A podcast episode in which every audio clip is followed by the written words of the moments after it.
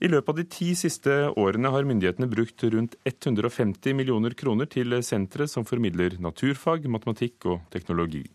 Formålet med vitensentrene er å gi unge lyst til å utdanne seg i realfag, men etter disse ti årene med stadig nye vitensentre kan vi ikke se noen effekt, ifølge utdanningsstatistikken.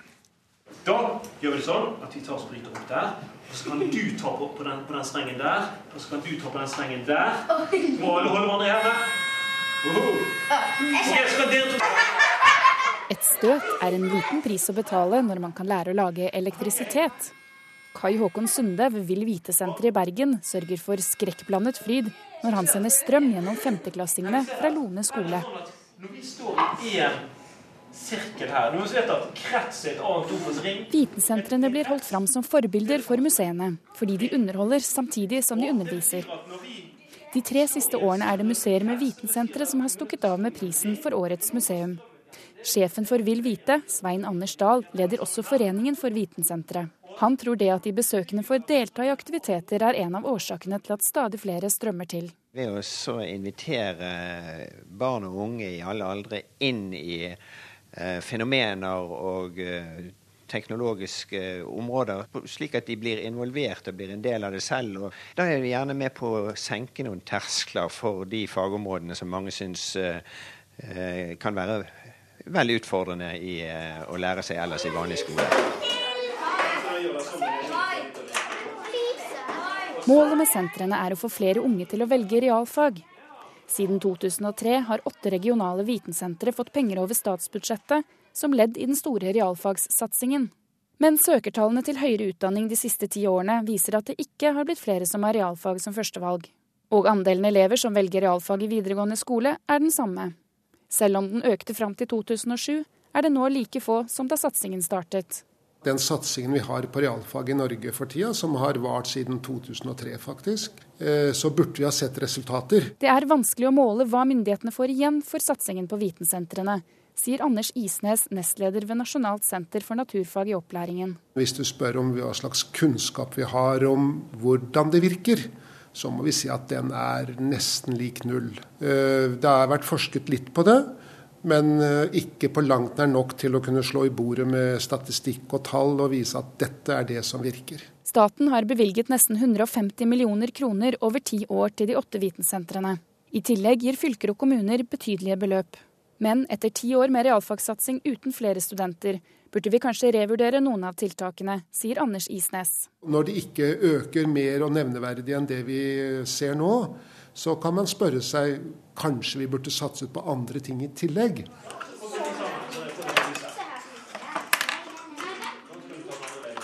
Svein Anders Dahl ved Vill Vite i Bergen vil bygge flere vitensentre.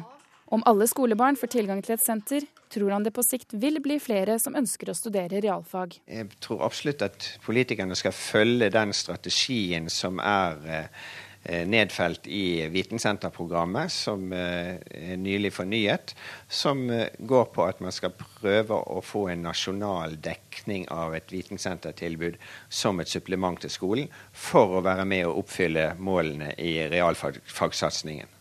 Det sa styreleder i Foreningen Norske Vitensentre og administrerende direktør for Vil Vite, Svein Anders Dahl, til vår reporter Ida Kvittingen. Elisabeth Dale, statssekretær i Kunnskapsdepartementet for altså Kristin Halvorsen.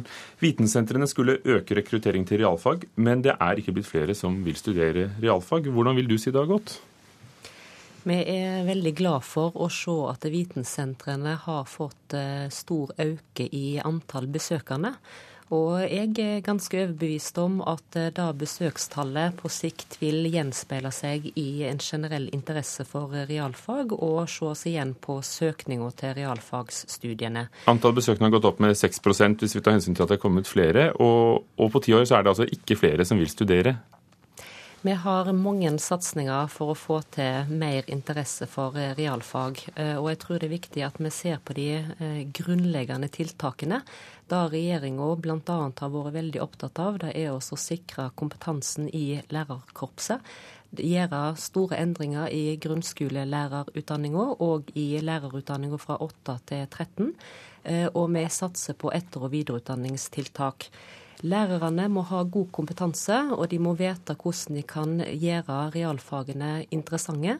Så det å satse på kompetanseheving og rekrutteringskampanjer for å få nok lærere med realfagskompetanse, da er viktige tiltak for regjeringa for å sikre en eh, rekruttering i neste runde for å studere realfag. Men dette tar tid.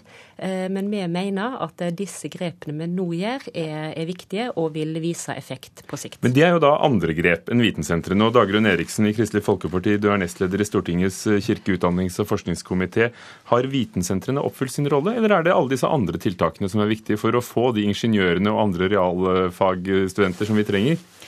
Nei, altså jeg tror at uh, kanskje er vitensentrene for stramt finansiert i at de kan oppfølge den rollen vi skulle ønske at de kunne. Nå har jeg sittet i kirke-, utdanning- og forskningskomiteen en stund, og vi snakker enormt mye om at vi må praksisrette teorien.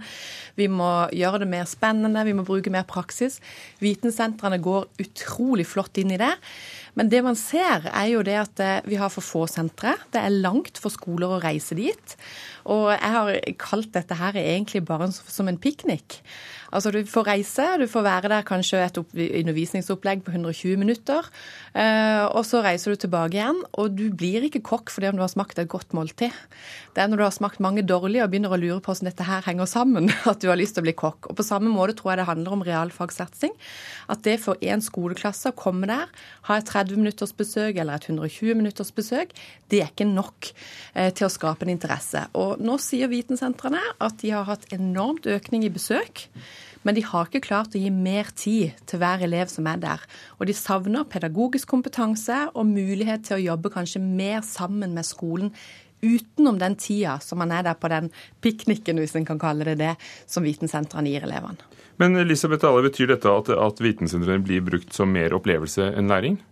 Jeg tror det er stor sammenheng med opplevelse og læring. Og akkurat som Dag Rune Eriksen sier, så er det viktig å få til en praktisk retta undervisning. Fordi at det er da en lærer best, og det er da en òg kanskje opplever størst motivasjon. Og Derfor så har jo òg da eh, Stortinget nå tilslutta seg regjeringa sin ungdomstrinnsmelding, der vi ønsker å gjøre viktige grep for å få til en mindre teoretisert ungdomstrinn. Men det handler jo om alle andre ting enn ja, vitensentrene? Nei, ja, men dette henger sammen. fordi at det dere er opptatt av i forhold til vitensentrenes rolle, er jo for å skape interesse for realfag, og på sikt rekruttere til realfagene. Da er regjeringa òg veldig opptatt av, og da må vi se på veldig mange tiltak. Jeg syns vitensentrene er inne i en positiv trend. Eh, det viser òg evalueringa fra 2009. Og så må vitensentrene og tiltakene knytta til dem ses i sammenheng med de øvrige tiltakene vi gjør for å styrke kvaliteten på opplæringa. Og da må vi tenke både barnehage, grunnskole og videregående opplæring. Dagrun Eriksen. Ja, altså jeg synes jo Mye av det som statssekretæren sier, er jo veldig enig i. At det hjelper ikke bare med vitensentrene, men nå er det jo vitensentrene som er liksom temaet i dag. Og, og, dere er enige om at disse bør vi ha, og, og dere mener begge at man bør satse enda mer? Men, altså Jeg mener i hvert fall at man bør satse mer. Det som jeg tror har vært litt av problemet, er at regjeringen har sultefòra disse sentrene. Eh, det er åpna to nye sentre. Det ble gitt bare en halv million mer i støtte i utgangspunktet fra regjeringen. Stortinget tok ansvar og fikk litt mer penger til det.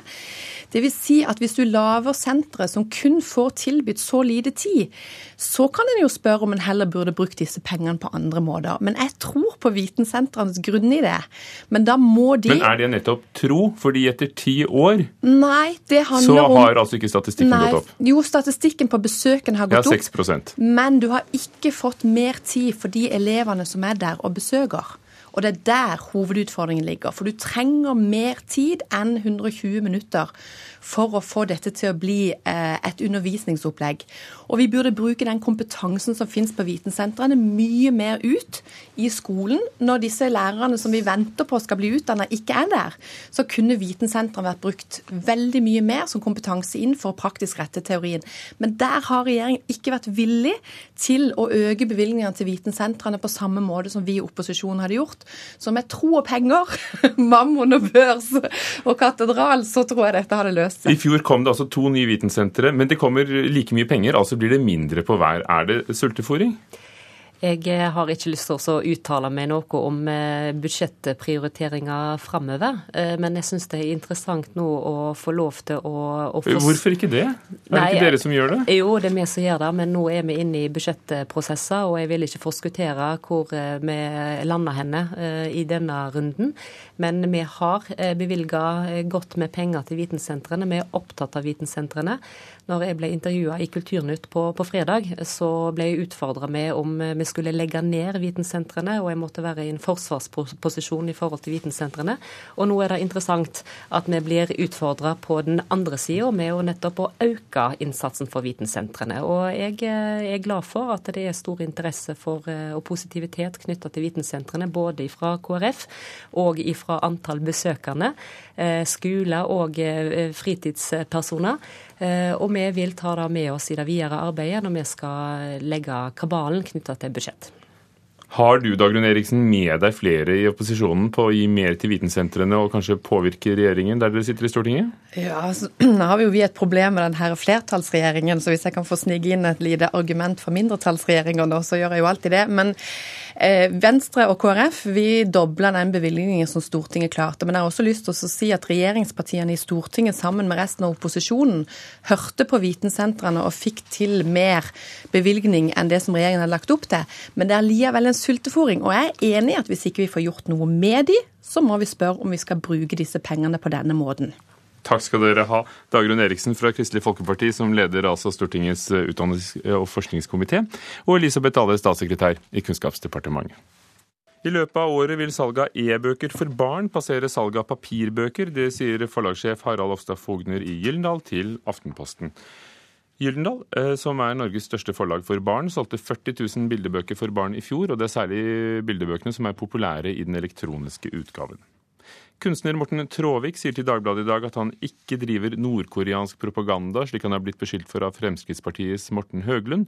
Tråvik har nylig hatt et kunstprosjekt i Kirkenes der soldater fra det norske forsvaret ble instruert av nordkoreanske kunstnere. Forsvarsminister Espen Barth Eide sier til Dagbladet i dag at Forsvaret åpner for bruk av soldater til slike arrangementer. Det er imidlertid uheldig dersom Forsvaret i dette tilfellet ble oppfattet negativt, legger han til.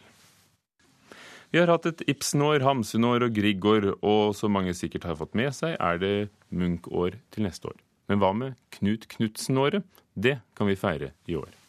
Vi er rett nedenfor Sankthanshaugen, og det er ingen andre enn de som kikker opp på det skiltet som står der, som kan si at dette er Knut Knutsens plass. da.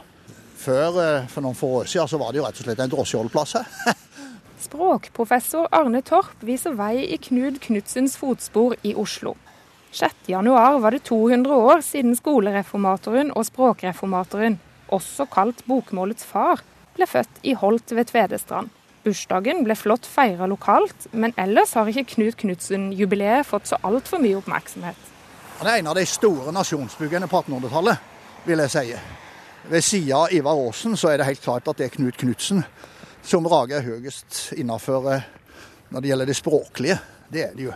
Mens Ivar Aasen skapte et helt nytt skriftspråk, landsmålet, gikk Knud Knutsen inn for gradvis å gjøre det danske skriftspråket norskere. Jeg tror vi må innse, innse at eh, Aasen vil være eh, en større person i eh, den allmenne bevisstheten enn Knut Knutsen. Men Knut Knutsen var ingen ubetydelig person, han heller, altså. Arne Torp har stø kurs mot Oslo katedralskole, som ligger bare noen minutters gange unna Knud Knutsens plass. På veien passeres et annet minne. Og så er det en liten minnestein på vår frelsers gravlund. Det er ikke den som ble satt opp på grava hans, for grava ble sletta en gang på 1950-tallet visstnok. Eh, fordi at bymålslaget forsømte seg med å betale festeavgift. Så sletta de grava. Så ingen vet egentlig nøyaktig hvor Enne Knutsen er gravlagt. Det er jo en stor forskjell på Ivar Aasen f.eks., som har ei kjempestøtte ned på den samme gravlunden. da. Men, men. Eh, han har iallfall fått en liten stein som ble satt opp for noen få år siden. Knut Knutsen arbeider som overlærer på Katedralskolen i over 30 år. Der hadde de en liten minnemarkering for et par uker siden. Så er nok De som var på foredraget ditt, de vil nok kjenne han, men ja. de andre Han var jo en pen mann. Ja visst. Asbjørn Nilsen har vært bibliotekar på skolen siden 1973, og viser veien ned bratte trapper til bokhvelvet. Men dette her er Knut Knutsen-stoff, alt sammen. Mm -hmm. Mm -hmm. Og det er ting som er blitt liggende igjen etter ham. Ja. Men andre ting enn det, det, det har vi ikke. Det er jo ei forferdelig murstein. Unorsk og norsk, eller fremmedords avløsning. Det var ikke så mange fremmedord han klarte å avløse med den der boka. Nei, det var ikke det. Appetitt, lyst, matlyst, mathug. Ja, det er jo greit nok, men så kommer det mange andre alternativer òg, da. Ja. Både, både, riksmålsfolk og bokmålstilhengere gjør krav på Knut Knutsen som en åndelig far. ja. Eh, men Aasen eh, er jo selvfølgelig nynorskens eh, far, det er jo klart. Og han skapte jo nynorsken, landsmålet. Ja, så kan vi jo da konstatere at Knutsens prosjekt har seira med ca. 90% men Aasens prosjekt er ikke vekke, de heller. Så begge prosjektene eksisterer fremdeles. Ja da, vi har ikke, vi har ikke sett slutten på Vi har ikke sett slutten på den norske språkstriden. Sa Arne Torp, språkprofessor, og neste år er det også 200 år siden Ivar Aasen ble født. Og før vi tar del i den feiringen, kan vi til sommeren bli med på vandring i Knut Knutsens barndomstrakter ved Tvedestrand. Til høsten blir det også Knut Knutsen-seminar i Oslo, så det blir altså lagt merke til, og reporter var Miriam Grov. Vinneren av årets Pritzker-pris ble kjent eh, for få timer siden. Verdens mest anerkjente arkitekturpris går i år til den kinesiske arkitekten Wang Shu. 48 år gamle Wang har tegnet både bibliotek og boligblokker i Kina og flere vanlige bolighus. Ifølge pressemeldingen er han kjent for sparsommelighet i materialbruken, og reddet for noen år siden over to millioner taksten fra hus som ble revet på universitetet i Hangzhou, der han leder arkitekturavdelingen. Nå får han altså Pritzker-prisen, som skal deles ut i eh, Kina i mai. Den er på 100 000 dollar, over en halv million kroner, og gis av en amerikansk stiftelse. Sverre Fehn er den eneste norske arkitekten som har mottatt Pritzker-prisen. Det gjorde han i 1997. Og TV-serien Erobreren, vårens store NRK-satsing, har mistet over 100 000 seere fra første til andre episode. Serien fikk hard merfart av kritikerne da den hadde premiere for en drøy uke siden, og nå så 554 000 på Erobreren sist søndag. Dramasjefen i NRK Hans Rosin er skuffet, særlig fordi han mener kvaliteten øker fremover i episodene.